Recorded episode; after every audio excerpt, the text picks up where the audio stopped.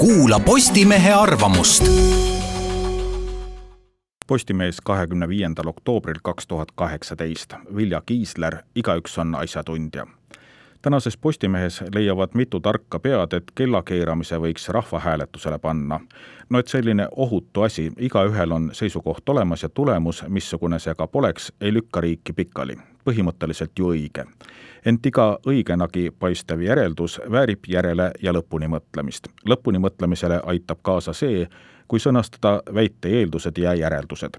üks eeldus on see, et rahval võiks oma elukorraldust puudutavates küsimustes praegusest rohkem sõnaõigust olla. kes sellega vaidleks, eks ole, teiseks, rahvahääletusi saab praeguse põhiseaduse kehtides kehtestada ainult väga tähtsates küsimustes, pigem niinimetatud kinnistusformaadina, sest läbikukkumise korral tulevad erakorralised valimised. kolmandaks, rahvahääletus on nii suure legitimatsioonijõuga ettevõtmine, et neid võib korraldada pigem ohututel teemadel, näiteks kellakeeramine. teine ja kolmas eeldus on, nagu kerge märgata, omavahel vastuolus vaatame nüüd järeldusi. oletagem, et põhiseaduse kallale ei minda, sellisel juhul on raske ette kujutada, mismoodi asetuks kellakeeramine samale tasandile põhiseaduse või Euroliitu astumisega. kaalukategooriad on põhimõtteliselt erinevad talve- või suveajale jäämine on põhiseaduse ja Euroliiduga võrreldes tähtsusetu kribukrabu, hoolimata sellest, et igaühel on selles asjas oma kõvahäälne seisukoht aga võib-olla minnakse põhiseaduse kallale. see võib juhtuda juhul, kui Keskerakond ja EKRE saavad koos valitsusse, mis on üsnagi tõenäoline stsenaarium.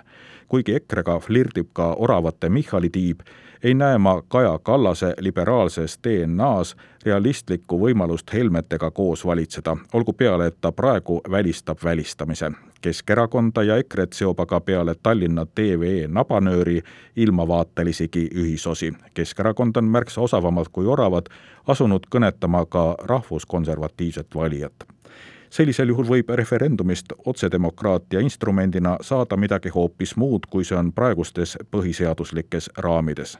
kellakeeramise referendum võiks teha ukse lahti teistelegi igaüks on ekspert tüüpi teemadele rahvahääletuse teemana ja see ei ole enam lihtne nähtus. hulk sedasorti teemasid on vaatamata esmapilgul ehk süütule esitusele tugevasti ideoloogiliselt koormatud omakorda sõnastamata eeldustega. Nende päevavalgele tirimine sunnib arutlema väidete üle, mille küsitavaks tegemine täiskasvanu ikka jõudnud euroopalikus ruumis, viib meid tagasi minevikku, kus valgust ja vabadust oli märksa vähem kui praegu. Need on kõik need perekonna piiritlemise ja vähemuste õiguste küsimused, milles igaüks peab ennast eksperdiks. ka tuleks sellisel juhul täie tõsidusega ja põhjani läbi mõelda, kes siis ikkagi päriselt otsustab, kui otsustab rahvas